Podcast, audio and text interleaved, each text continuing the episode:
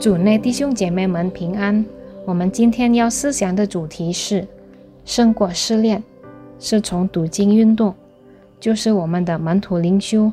今天的经文取自于路加福音第四章第一到第十三节。聆听上帝的话语之前，我们先低头祷告。主耶稣，我们满心感谢你。虽然面对各种困难，但我们仍然可以相信你。这一切都是你的恩典。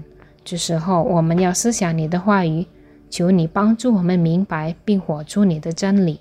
我们祷告，奉靠耶稣基督的名，阿门。苏格拉底曾经说过：“未受试炼的人生还不能称为有价值的人生。”人生中，如果一个人想拥有更好的人生，他必须经历各种考验。正如一个学生必须通过考试才能进入更高的教育。即便是升职，每个人也必须通过各种的考试。虽然考验常常令人感到不愉快，但成功通过考验，将使通过考验的人尽力进步。在属灵生活上，信徒也必须经过各种试炼，才能在信心中不断成长。如果信徒成功胜过信心的考验，他就会成长，信心。更加坚固。相反的，不敢面对信心考验的人，总是试图回避或忽略这考验，就不会在属灵上成长。值得我们注意的是，有时候上帝要我们经历痛苦的考验。彼得前书第四章第十九节，主耶稣在开始他的服饰之前，也因上帝的旨意经历试炼。圣灵将耶稣带到旷野去受魔鬼的试探。路加福音第四章第一到第二节，上帝要主耶稣经历试探，但试探的不是上帝，而是魔鬼。上帝允许试探的产生，目的不是要使人跌倒，而是要试炼人，使他更纯净。彼得前书第四章第十二节。